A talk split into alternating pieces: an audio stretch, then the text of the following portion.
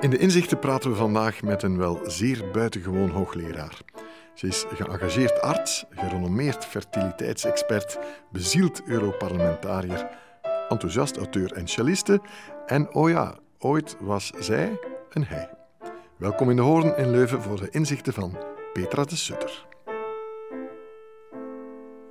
Welkom, professor, dokter en ik mag Petra zeggen. Ja, zeker. Ja. Uh, ik ben blij dat je er bent, want waarschijnlijk, ik kan me voorstellen dat je zo een negen dagen werkweek hebt. Het is druk, ja. Ik combineer wel wat, uh, wat zaken, misschien een beetje te veel. Maar ik kan ook moeilijk nee zeggen en dat opent altijd nieuwe opportuniteiten. Dus ik ben wel blij, uh, ja. blij om hier ook vandaag bij jou te zijn. Ja. Ja. Die laatste opportuniteit, de politiek, dat valt nog altijd mee? Ja, um, het is een nieuwe wereld die open gaat natuurlijk. Uh, nieuwe uitdagingen, je leert enorm veel, uh, je doet enorm veel. Het is heel geconcentreerd, je bent met heel veel thema's bezig. Maar ik denk ook wel dat het relevant is, want uiteindelijk maak je wetgeving voor, ik ging zeggen 500 miljoen mensen, maar met de Britten die nu weg zijn, zijn er wat minder. Maar toch, um, 60, 70 procent van onze wetgeving is eigenlijk omzetting van Europa, of rechtstreekse Europese wetgeving. Mensen weten dat niet altijd, dus ik denk dat het wel relevant werk is. Ja, ja. Je weet, het spel uh, heet hier De Inzichten. Het is enkel jouw uh, wijsheden en uh, ik ga ze eens af. Ik begin dan maar met het eerste. Hè. Mm -hmm. als de boot in de goede richting vaart, zeg je, dan maakt het niet uit wie aan het roer staat. En dan hebben we het al waarschijnlijk over politiek. Ja, dat klopt. Ik bedoel, als je jong bent, dan wil je graag zelf aan dat roer staan en dan denk je van, dan kan ik de dingen sturen in de richting die ik wil. Maar is dat niet het idee van politiek? Iedereen wil aan dat roer gaan staan? Ja, uh, wel, ik denk dat eigenlijk er moet op neerkomen dat je wil dat die boot vaart in de richting waarin je wil dat die vaart. Hoe dat gebeurt, is eigenlijk niet meer, vind ik, minder belangrijk. Wie aan het roer staat, bij ons aan de Europese Commissie, nu aan de top staat Ursula von der Leyen, Oké, okay, je kan zeggen, zou je daar zelf niet graag staan? Dat zal niet, niet gauw gaan gebeuren, zoals je wel begrijpt. Niet, nee, dat zal niet. Maar als ik mee met vele anderen er kan voor zorgen dat die boot waar Ursula aan het roer staat in de juiste richting gaat, dan, dan denk ik dat, dat dit het belangrijkste is. En dat is waarvoor we aan politiek doen, om de dingen te veranderen. Hoe ik dat kan me voorstellen gebeurt. dat dat op dit moment een beetje zo is, omdat jullie bon, voor het eerst zien dat klimaat ja. bijvoorbeeld zo hoog op de agenda Absoluut. staat. Ja. Ook al is mevrouw von der Leyen niet echt nee. van de groenen en zo, dus nee, nee. op die manier. Ja, dus uh, de Green Deal uh, en dus de klimaatambities van de Europese Commissie liggen vrij hoog. Uh, dat stellen ze nu voor, dat staat op papier. Of, of het zo zal gaan gebeuren, dat zullen we afwachten. Daar gaan we proberen alles aan te doen. Mm. Um, dus dat klopt. En als dat in de goede richting zou gaan, dan gaan wij meeduwen aan die kar. Of weet ik veel hoe ik het moet uitdrukken. En dus opnieuw, wie aan dat roer staat, vind ik niet belangrijk. Het is niet alleen in de politiek zo. Als je echt het resultaat kan bekomen wat je wil bekomen, hoe je daar komt en wie dan de pluimen op de goed moet steken, vind ik persoonlijk minder belangrijk. En ik begrijp dat er heel veel mensen zijn met grote ego's, die Politiek, heel graag... Ja, ja Politiek ja. is zo'n spel van ego's geworden, maar dus te veel, zeg. Ik vind dat dat... Uh, jammer is, dat dat eigenlijk niet zou moeten. Dat het zou moeten gaan om de inhoud, de manier waarop het gebeurt. En dat gaat, dat gaat over uh, samenwerken, dat gaat over onderhandelen, over partijgrenzen heen. En dat Ursula von der Leyen bijvoorbeeld nu een vrouw is die dat ja, op een andere manier toch is dan toen, laten we zeggen, dan haar voorganger, maakt dat geen verschil? Dat maakt groot verschil. Er is bijna genderpariteit in de commissie zelf ook. En zij is inderdaad de eerste vrouwelijke voorzitter van de Europese Commissie. Dat maakt zeer groot verschil. Ik denk dat wel. Um, ik denk dat zij uh, een breuk heeft gemaakt met de vorige commissie, uh, de Jonker-commissie. Geen kleine. Geen kleine breuk. Dus dat we nu op een punt staan en dat is ook een besef dat bij de commissie, denk ik, wel Alia aanwezig is. Het is nu of nooit. Hè. We hebben nog vijf jaar, misschien tien jaar om echt het verschil te maken als we het over de klimaatverandering hebben. En Europa kan daar de leiding in nemen. En dat zal op een goede manier moeten gebeuren. Iedereen zal mee moeten. Um, en dan kunnen we echt wel in de wereld het verschil maken. Als we dat niet doen binnen de vijf à tien jaar, zijn we binnen tien jaar niet meer relevant. Hmm. Ik denk dat ze dat heel goed begrijpen en dat we daar met z'n allen moeten naar meewerken. Dus als die boot in die richting gaat, opnieuw, ja, nu staat Ursula aan dat roer. Maakt mij niet uit. Straks staat daar misschien weer iemand anders. Maar die boot moet in die mm. richting gaan. Ja, maar maakt het misschien dus toch uit of het bijvoorbeeld een vrouw wel eens zou kunnen zijn als we kijken naar oh, Nieuw-Zeeland, Finland, IJsland. Plekken waar een vrouw het is aan het doen. Ik wil daar niet zo makkelijk in scoren, maar Zou dat niet eens een goed idee zijn om dat overal... Maar wat mij betreft wel. Maar um, goed, dat is misschien een ander, een ander onderwerp, hè, eh, over wat, wat vrouwen in de politiek kunnen betekenen en, en of ze misschien beter onderhandelaars zijn, makkelijker compromissen sluiten, minder grote ego's hebben en een aantal andere competenties die misschien mannen... Zo, denk ik denk dat dat een verschil maakt, ja, toch wel.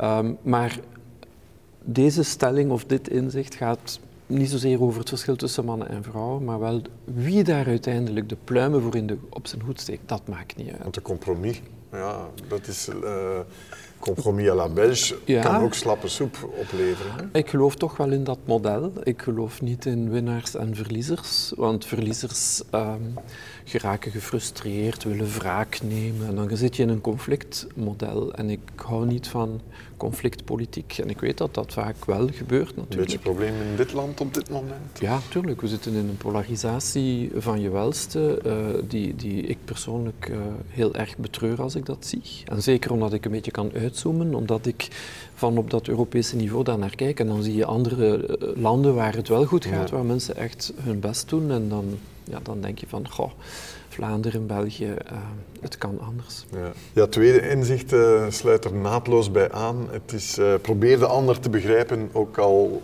heb je dat begrip eigenlijk niet. Ja, al heb je dat begrip niet, dus te zeggen, al, al deel je het standpunt niet van de persoon met wie je aan het onderhandelen bent. Ook in het dagelijks leven heb je vaak mensen die uh, bepaalde standpunten hebben, innemen, die daar soms heel emotioneel in zijn, omdat ze zelf iets hebben meegemaakt, omdat daar een onderliggende laag is, een bepaalde reden. En dus is het belangrijk om die reden te begrijpen, want anders kun je met die persoon niet, niet praten over dat onderwerp. En opnieuw, als je moet tot, tot oplossingen komen, tot, tot compromissen, dan is het goed om je, je hmm. tegenstrever uh, te begrijpen van waar komt dat. En in internationale politiek kan dat betekenen dat je de cultuur, de geschiedenis, de gevoeligheden van bepaalde landen moet gaan begrijpen. Waarom reageren de Polen zoals ze doen?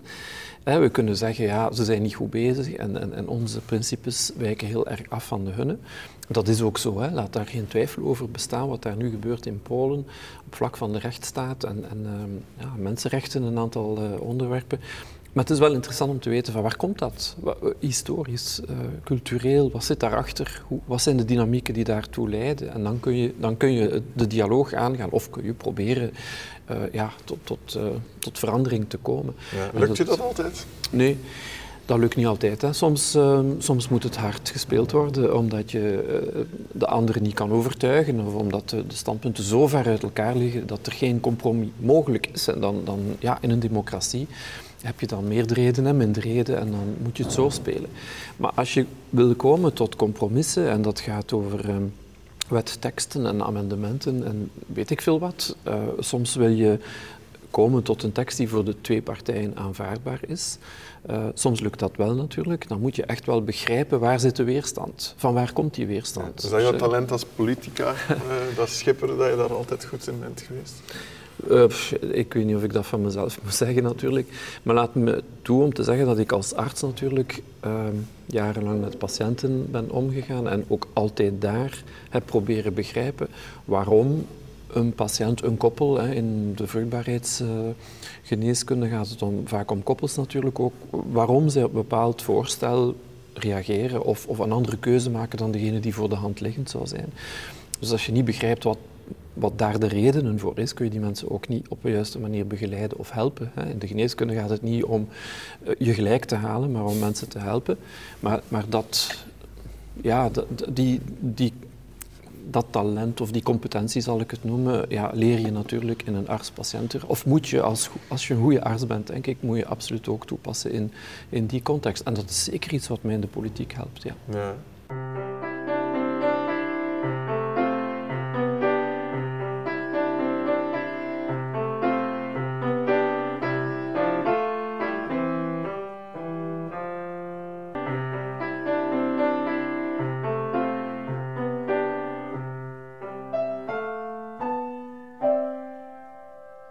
Volgende inzicht zal te maken hebben waarschijnlijk, hè, ook met jouw toch zeer bijzondere levensverhaal. Uh, je zegt, iedereen heeft een geheim dat we dus niet kennen.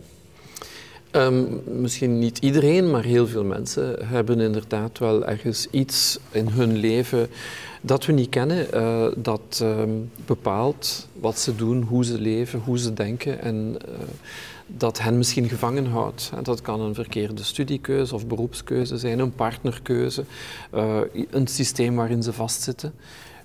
waarvan ik dan denk van de, de sleutel voor die mensen om gelukkig te zijn is om daar uit te geraken, ja. zich daarvan te bevrijden. Of zoals bij jou, maar gevangen zitten in een ander lichaam, mag ik dat zo zeggen? Ja, ik heb heel lang met een geheim geleefd uh, dat, uh, dat ik zelf eerst niet door had of heb ontkend of er tegen gevochten heb enzovoort. Maar ik denk dat veel mensen in een soort gevangenis zitten die ze zelf hebben opgebouwd. Of waar ze gewoonweg uh, ja, niet uit geraken. Dat kan een relatie zijn, maar dat kan een verkeerde studiekeuze of beroepskeuze zijn, ze, waardoor ze echt ongelukkig zijn.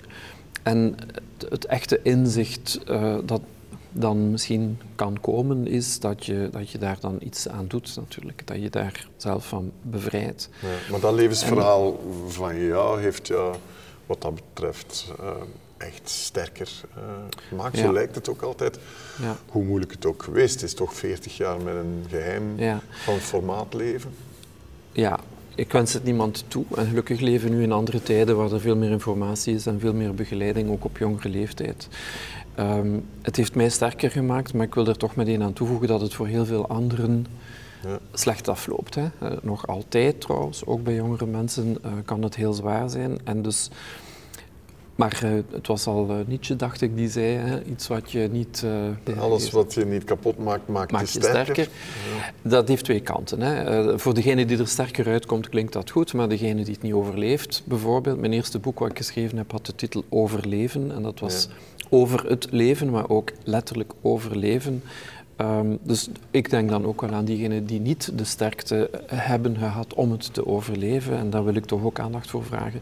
Ja, want dus, in dat boek, bon, je bent redelijk heel erg eerlijk dat je even dicht bij de suïcide hebt gestaan mm. dan bij het overwinnen van die bergen.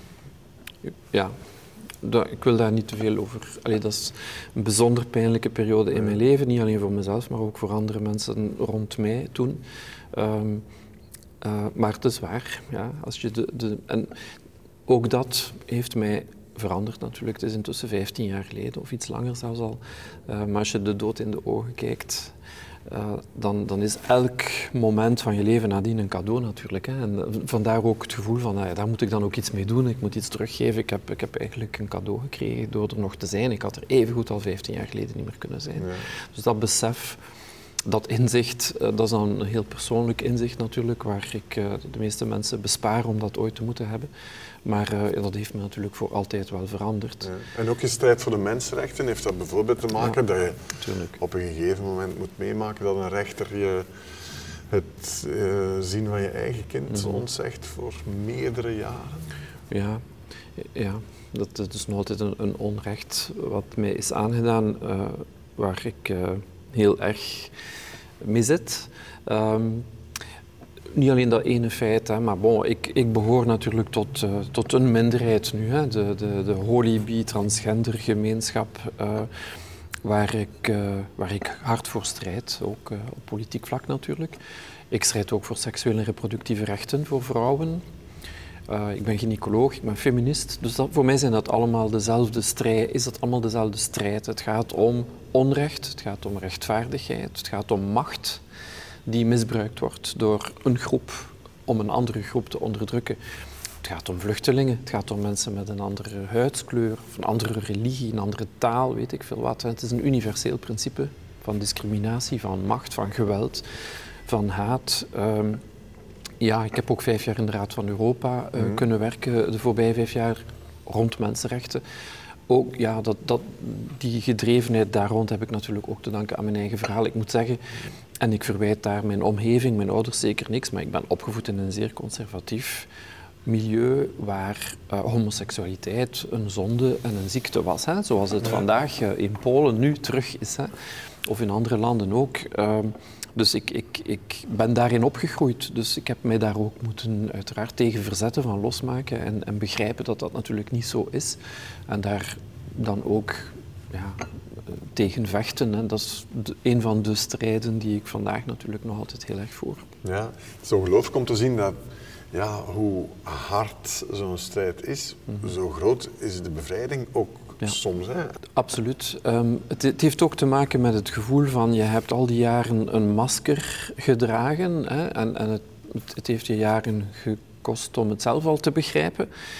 En dan jaren van verzet daartegen en, en dan jaren van ja, je hebt natuurlijk van alles opgebouwd en mensen daarin meegesleept. Dus dat, dat zet je dan niet zomaar op de helling.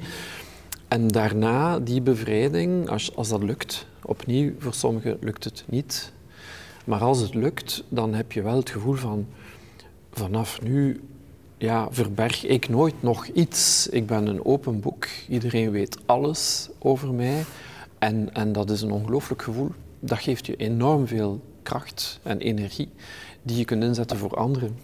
Ik hoef het voor mezelf niet meer te doen. Mhm. Want ik, opnieuw, ik had er even goed niet meer kunnen zijn en ik ben nu 56 jaar. Dus ik weet ook wel dat ik geen 40 jaar meer voor me heb. Hè.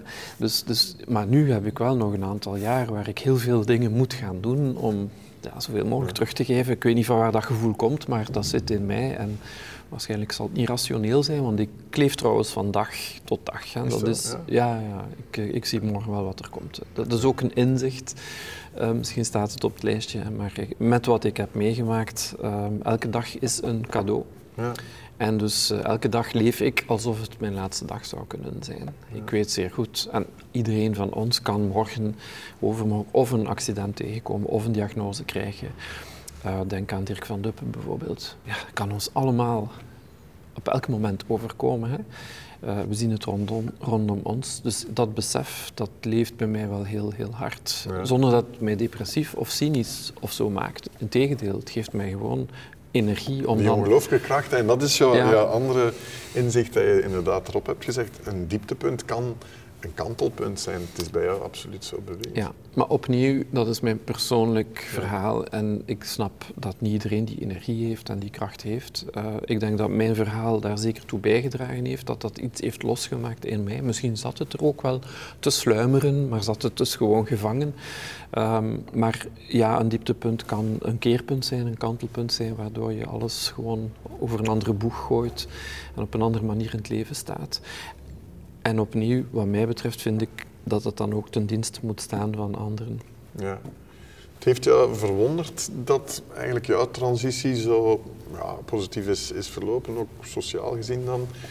Wetende, dat staat ook in je boek, dat je altijd dacht, oh, ik ga naar Amerika. Ja, het is intussen al 15 jaar geleden. Alhoewel, ik weet niet of het dan nu zoveel beter is, want er zijn natuurlijk ook heel wat tegenstromen op gang gekomen, waardoor... Voel je dat zelf ook nog? Of, of heb je... Ja, elke dag op Twitter, hè.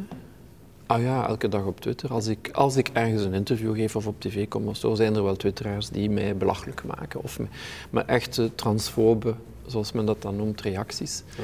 Meestal blokkeer ik die onmiddellijk, omdat ik dit, iedereen mag zeggen wat hij wil, maar als ik persoonlijk aangevallen word op dat punt, dan stopt de discussie, want dat, dat, uh, dat, dat zie ik echt niet zitten om daar de discussie rond te voeren met twitteraars. Uh, elke dag, ja, ja. Maar ik heb zo'n huid gekregen door de politiek ook. Echt? Ja. ja. Ja, in het begin doet je dat pijn, hè, omdat ik ben, ik ben ook vanuit mijn opvoeding, hè, je, doet, je probeert goed te doen, je wordt daar graag door gezien, uh, door wat je hebt gedaan. En dus als mensen kwaad zijn op jou, dan is dat iets verkeerd gedaan hebt. Hè. Dan, dan ben je ongelukkig. Dat is zo, als kind, denk ik, is dat zo. Dus um, en ik ga niet zeggen dat ik Hans mijn leven alles heb gedaan om graag gezien te worden, want dat, dat, op een bepaald moment word je wel volwassen natuurlijk. Maar toch, mensen die mij gewoon aanvallen uh, of haten zonder dat ze mij kennen, gewoon omwille van een feit uit mijn verleden, dat vind ik zo onrechtvaardig en zo uh, verschrikkelijk. In het begin doet je dat pijn. Ik heb op een bepaald moment, dat was, ik was één jaar in de politiek, in de Raad van Europa. Um, rond een, met een rapport rond draagmoederschap bezig. Ik ben daar heel hard voor aangevallen. Ik heb dat ook in mijn boek geschreven. En op een bepaald moment kreeg ik om de tien seconden een, een tweet, een haat-tweet zal ik maar noemen, binnen. Uh, en werd ik uh, op websites van allerlei dingen beschuldigd enzovoort. En dan dacht ik van, waarom doe ik dit? Ik had een rustig leven als expert. In, ja, dus in hemelsnaam, waarom zit ik nu in die politiek? En dan heb ik gelukkig ook heel veel mensen rond mij die zeiden van, jij moet verder gaan, we hebben je nodig. Omdat als jij nu opgeeft, hebben ze gewonnen. Hè? Zo is het natuurlijk in, die, in dat soort uh, politieke strijden. En dus ben ik doorgegaan en heb ik geleerd van, van op dit soort reacties niet meer in te gaan. Of van dat gewoon zelfs niet meer te bekijken. En, ja. ja. Maar elke politicus vandaag krijgt haatreacties. Hè. Ik heb geen enkel ander belang te verdedigen dan dat van de volgende generaties. En, en dus nou, daarop worden wij aangevallen. Moesten wij opkomen voor de belangen van, ja, weet ik veel welke groep in de samenleving, dan mag je dat blijkbaar doen. Maar als je zegt, ik kom op voor het algemeen belang van iedereen en voor onze kinderen en kleinkinderen, ja, dan, dan blijkbaar word je aangevallen. Het is, waarschijnlijk ook omdat we mensen een spiegel voorhouden en dat mensen daar dan dingen in zien die ze niet graag zien. Ik weet het.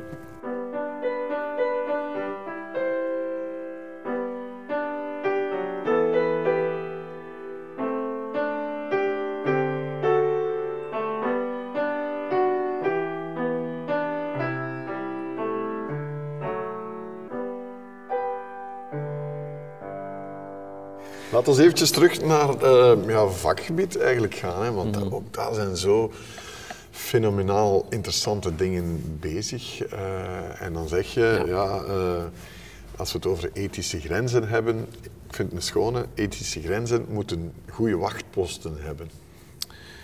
Ja, dat denk ik wel. Hè. Dus de, de, de technologische vooruitgang in de geneeskunde. Als we het over bioethiek hebben, en de voorplanting is natuurlijk een mooi voorbeeld, maar je hebt ook uh, euthanasie en een aantal andere bioethische onderwerpen. Uh, maar ook artificiële intelligentie, daar zijn we nu politiek enorm mee bezig in het Europees Parlement. Dat komt op ons af met een snelheid die, die, die, ja, die, we, nooit die we niet vatten. Nee, het is er gewoon al, maar we, we, weten het niet eens. Die algoritmes die eigenlijk alles bepalen, die soms discrimineren, die, die soms ja, echt mensenrechten schenden. En dat risico is er echt. Hoe gaan we daarmee om? Ja, dan moet je reguleren. Dus die wachtposten, daarmee bedoel ik dat daar ergens kaders rondgetrokken worden die dat reguleren, dat we dat niet ongebreideld laten doorgaan. Ook in de bioethiek, in de voortplanting.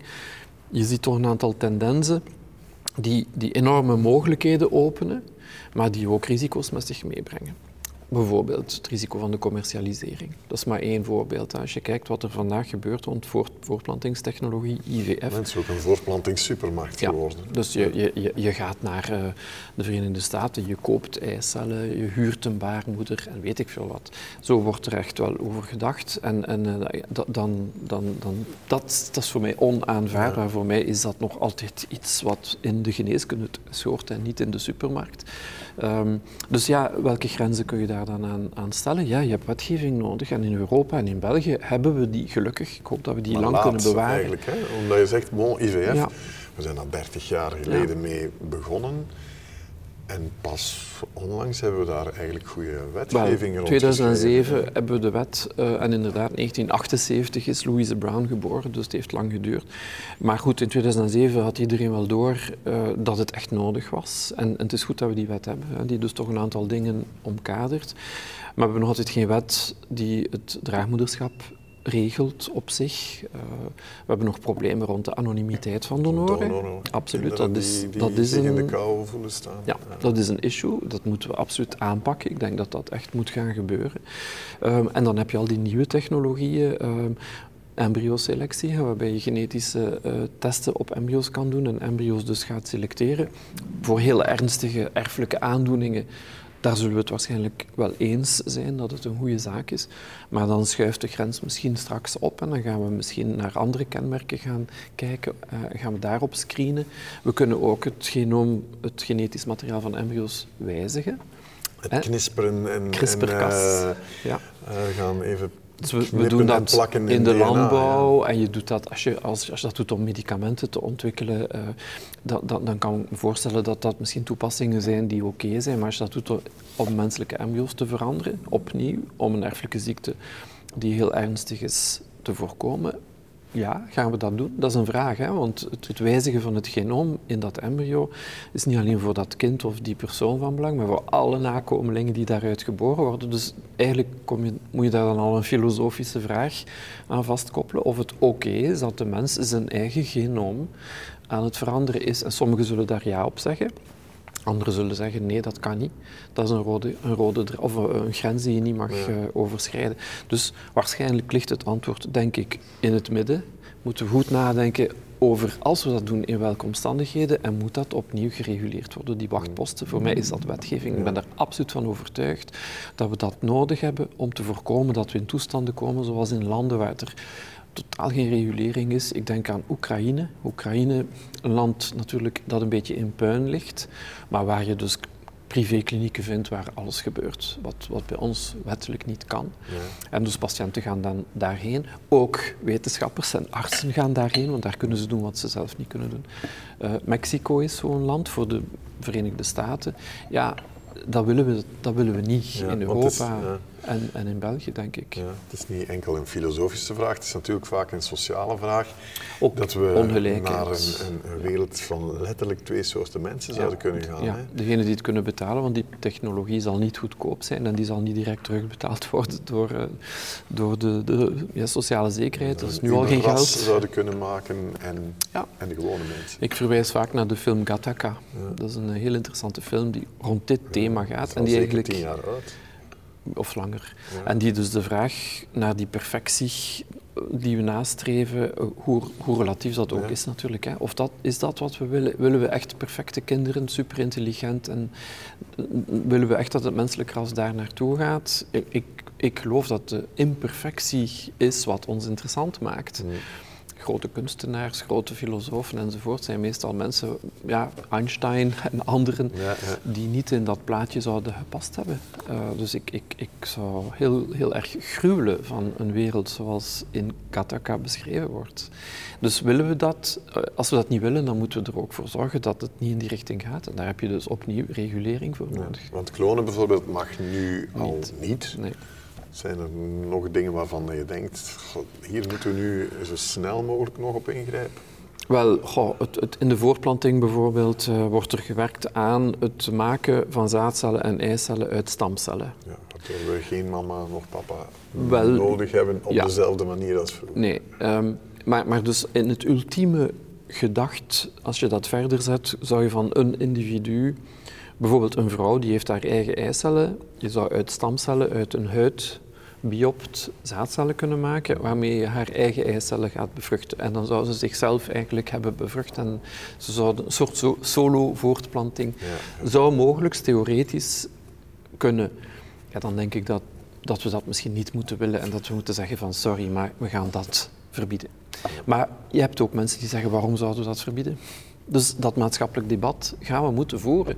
En ik denk dat we het moeten voeren voor het zover is dat het hier en daar al gebeurt, want dan ben je weer te laat natuurlijk. Hè. Dus we moeten daar wel over nadenken. Zoals het nu vaak gebeurd is. Ja. Goed, um, als we het hadden over sociale verschillen en geld, uh, dan is dit ook een mooi inzicht van ja, materieel geluk, zeg je, is eigenlijk een contradictio in terminis. is dat dan een andere manier om te zeggen, geld maakt niet gelukkig? Uh, maar je moet het wel hebben. Uh, ja, Oké, dat is een klassieker. Ehm, dat komt eigenlijk uit het boeddhisme. Um, waar een van die wijsheden zegt dat mensen eigenlijk ongelukkig zijn door het feit dat ze altijd verlangen en gehecht zijn naar datgene wat ze niet kunnen krijgen. Um, en het, het, het, ultieme inzicht is natuurlijk, laat dat los. Het loslaten, ook zoiets uit het boeddhisme, het loslaten is natuurlijk de manier om, om die gehechtheid en dat verlangen uh, ja, te laten passeren en gelukkig te zijn met wat je hebt. Ja, dat zijn wijsheden die mhm. eeuwen oud zijn en, en, die je overal wel terugvindt. Maar die we niet nemen. Maar het interessante is, het is een, een aha-erlevenis, een inzicht dat je moet hebben om, om het echt te begrijpen. En je krijgt het maar als je niet anders gedaan hebt dan dat verlangen te proberen vervullen en dat je dan inderdaad moet vaststellen, ik heb nu echt alles wat ik wel, ik heb veel te veel en toch heb ik niet dat ultieme geluk waar ik naar op zoek ben.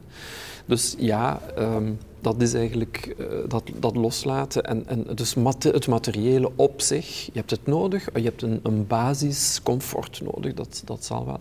Maar het nastreven van alsmaar meer materiële zaken, natuurlijk maakt dat niet gelukkig. En, en dat, dat snappen maar mensen als ze, het, als ze het allemaal hebben en zien dat ze het inderdaad, dat ze toch niet gelukkig zijn. Nee, precies, maar in, in een land waar, wat is het, 1 miljoen mensen aan de, aan de psychofarmaca zitten, aan, aan de slaapmiddelen en wat nog. Uh, waar één op de vier op de rand van een burn-out mhm. staat. En, en waar we nogthans materieel, ja. we behoren tot de top in de wereld. Hè. Qua welvaart zitten we aan de top en qua welzijn ja, veel minder. Dus, dus je ziet dat welvaart en welzijn twee, ja, geen synoniemen met elkaar zijn. Dus dat sluit daar perfect bij aan. En dan is de vraag, waar loopt het fout? Hè? Waarom, waarom waar loopt het fout? verlangen aangewakkerd? Ja, ik denk dat daar heel wat mechanismen achter zitten. Uh, die, reclame? Uh, die, die, die gedreven wordt door industriebelangen, door de reclame die vertellen wat je nodig hebt om gelukkig te zijn. De sociale media klassiek. Op Facebook zien we alleen maar de mooie kanten van, van de zaken. Iedereen zet zijn prachtigste vakantiefoto's op Facebook, maar de realiteit van elke dag die wordt daar niet gezien natuurlijk. Dus mensen geloven dat dan of denken dan dat dat wel de realiteit zal zijn. En dan streven ze daarna. Ze kunnen dat natuurlijk niet, niet bereiken en zeker niet elke dag. En dan zijn ze daardoor ongelukkig en gefrustreerd. Dus het is een, een Hanse maatschappelijke evolutie die, hebben, die we hebben meegemaakt, ik denk ja, al de laatste 50 jaar, die in die richting gaat. En dan de moeilijkste vraag, en hoe gaan we dat geluksgevoel terugkrijgen? Want um, enkel het verlangen achterlaten zal het ook nog niet. Uh... Wel, ik denk te, misschien belangrijk ook om te zeggen dat gelukkig zijn voor mij is geen continue gemoedstoestand. Uh, dus zeggen van ben jij een gelukkig mens? Ik denk dat dat een vraag is waar dat dat geen goede vraag is. Geluk voor mij zijn momenten, zijn momenten van ontroering, momenten die je overvallen. Maar als ik het jou uh, zou vragen, ben je een gelukkig persoon? Ja, omdat ik veel van die momenten heb en door de band uh, eh, die ervaring dus heb. Ja. En, maar die momenten kunnen, kunnen bestaan uit, uit uh, uh, ja, een, een, een, muziekstuk van Bach, Erbarme dich van Bach. Of, of, of in de natuur uh, een fenomeen, een mooie zonsondergang. Ik weet dat dat allemaal... Kan je nog cello suites spelen? ik speel graag, is, ehm, ja, zoveel als ik kan. Veel te weinig dus, cello. En, en ja, dat, dat brengt mij in een andere modus. Uh, dan kan ik alles loslaten. Ja, dat, dat doet iets met je hersenen. Ik denk op zo'n momenten waarschijnlijk dat er iets chemisch in je hersenen ja. verandert. Meditatie en zo doe je ook, ook als wetenschapper. Ja. Want het is wetenschappelijk bewezen dat dat ah, eigenlijk ja. ook wel. Meditatie wordt vaak als iets esoterisch, als iets alternatief voorgesteld. Het is neurowetenschappelijk bewezen. Steve Lorijs heeft er een boek over geschreven, nog maar recent. Dat dat effectief de anatomie en zeker de fysiologie van je hersenen beïnvloedt. Uh, en waardoor je op een andere manier in het leven staat. Hè. Dus als ik mediteer, al is het maar tien minuten s ochtends vroeg, dan verloopt mijn dag anders. Dan kan ik, ja, kijk ik tegen de dingen op een andere manier aan. Dan relativeer je de dingen ook veel meer. Uh, jaag je je minder rap op. Kun je afstand nemen van de, de, de, kleine dingen waar mensen meestal tegenaan lopen. Dus dat, dat, dat zijn de, de sleutels, denk ik, tot die momenten van geluk, van vervoering. Maar dat kun je net zo goed hebben in, in je relatie met je partner natuurlijk. Hè. Dat, dat, het gaat om momenten en hoe meer van die momenten er zijn natuurlijk, hoe beter. Ja. Uh, en dat, dat moeten we nastreven. Heel vaak zijn het die kleine dingen en niet dat laatste nieuwe model van die auto die je hebt gekocht of die reis die je gemaakt hebt. Want iedereen, als je Facebook gelooft, moet, moet prachtige reizen maken en weet ik veel wat. We leven natuurlijk in een fake world die ons voorgehouden wordt door de reclame, door de sociale media. Ik heb gelezen, het is 350 tot 3000 reclameboodschappen per dag die op ons afkomen. En vaak zijn we ons daar ook misschien niet echt van bewust. The Hidden Persuader ja. van Vance Packard. Um, die is beschreven zoveel tientallen jaar geleden al. Hè. Ja, we, zijn, we, we, zijn ons daar niet, niet van bewust en artificiële intelligentie en alles wat er op ons afkomt gaat dat nog vele malen versterken. Um, en ik denk dat dat... Op welke manier? Wel, we gaan nog veel meer gemanipuleerd worden dan we nu zijn, maar op een manier die we, die we niet doorhebben. Helemaal niet door. Nee, want als je naar tv kijkt en het is het reclameblok, dan kun je zeggen intussen, ik ga even naar het toilet of ik spoel door, weet ik veel wat. Maar, maar je gaat, door de boodschappen die je te zien krijgt, die zijn al door profiling en targeting en weet ik veel wat aangepast aan jou. Jij gaat niet snappen dat daar algoritmes achter zitten die, eh, die zich baseren op alle gegevens die men van jou heeft. Hè? Want eh, men heeft heel veel gegevens van jou. Dus, dus we worden eraan blootgesteld en we worden erdoor beïnvloed zonder dat we er iets kunnen tegen doen. Dus een van de politieke ja, onderwerpen vandaag is opnieuw regulering om ervoor te zorgen dat de, de, de, rechten van consumenten, van burgers beschermd blijven en dat we inderdaad uh, ons daartegen kunnen verzetten. Dat, dat zal absoluut belangrijk zijn, want die manipulatie zorgt ervoor dat we in een fake uh, wereld leven waarin we denken dat wat ons voorgespiegeld wordt, dat we dat nodig hebben om gelukkig te zijn, om terug op het onderwerp te komen.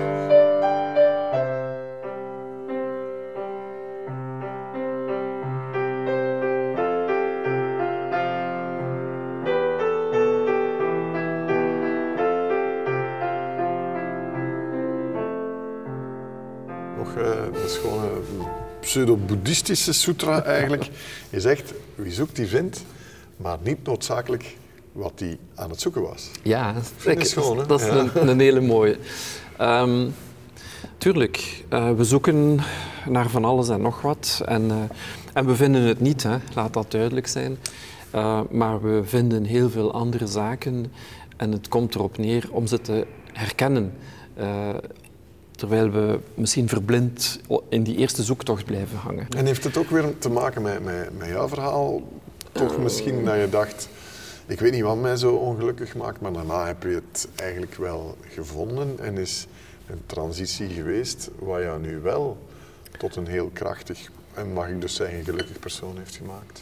Ja, ja maar, ook, maar ook nee. Het gaat ook over andere dingen. Het gaat ook over Um, mensen die een bepaald traject in hun leven, een promotie nastreven of een bepaalde beroepskeuze hebben gemaakt en dan denken van kijk, daar wil ik binnen vijf jaar staan. En pas op, alle managementtheorieën zeggen dat je dat moet doen, hè, die visualisering. Ik zie mij binnen vijf jaar aan de top, daar enzovoort. Terwijl dat is een recipe for disaster. Ja, en ondertussen mis je alle andere opportuniteiten, want je zegt overal nee tegen, want je hebt maar één doel. Terwijl die andere opportuniteiten misschien heel andere wegen zouden openen, die veel interessanter en veel beter voor je zouden zijn. Ik heb ook eh, een karakter van wat men een ja-zegger noemt. Je moet je daar ook een beetje tegen beschermen, dat, dat weet ik wel. Maar door ja te zeggen op heel veel zaken heb ik al zoveel opportuniteiten in mijn leven gehad die nieuwe deuren hebben geopend, dat ik, uh, ja, dat, dat ik het jammer vind dat mensen verblind in een koker alleen maar één doel aan het zoeken zijn. Uh, en dus alle andere dingen die ze zouden kunnen vinden uh, naast zich zien passeren. Ja. In de wetenschap is men er ook iets meer mee bezig met ja, te kijken wat het gelukshormoon, hè, oxytocine, oxytocine zo bij ons uh, teweeg brengt. En je al in dat soort dingen. Dus ja, uh, veld nu niet meteen. Nee, maar, oxytocine, uh, ja toch wel, in de verloskunde. Het is het hormoon wat vrijkomt bij de borstvoeding bijvoorbeeld. Ja, ja. En die dus de bonding tussen twee mensen en bij, bij het orgasme komt ook oxytocine vrij. Dus de bonding tussen moeder en maar kind. om dat nu elke keer te doen om gelukkig te zijn?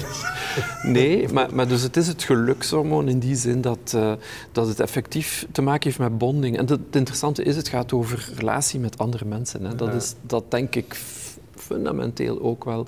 Dat... Uh, een mens een sociaal wezen is en eenzaamheid waarschijnlijk het recept is om heel ongelukkig te zijn. En gewoon een goed gesprek, ja. dat dat zoveel meer waard is dan weet ik veel welk materieel uh, uh, voordeel dat we ergens kunnen halen. Ja, dus een meer beetje moeten... spirituele groei zou ons geen ja, kwaad kunnen doen. Natuurlijk. Oh ja, ja.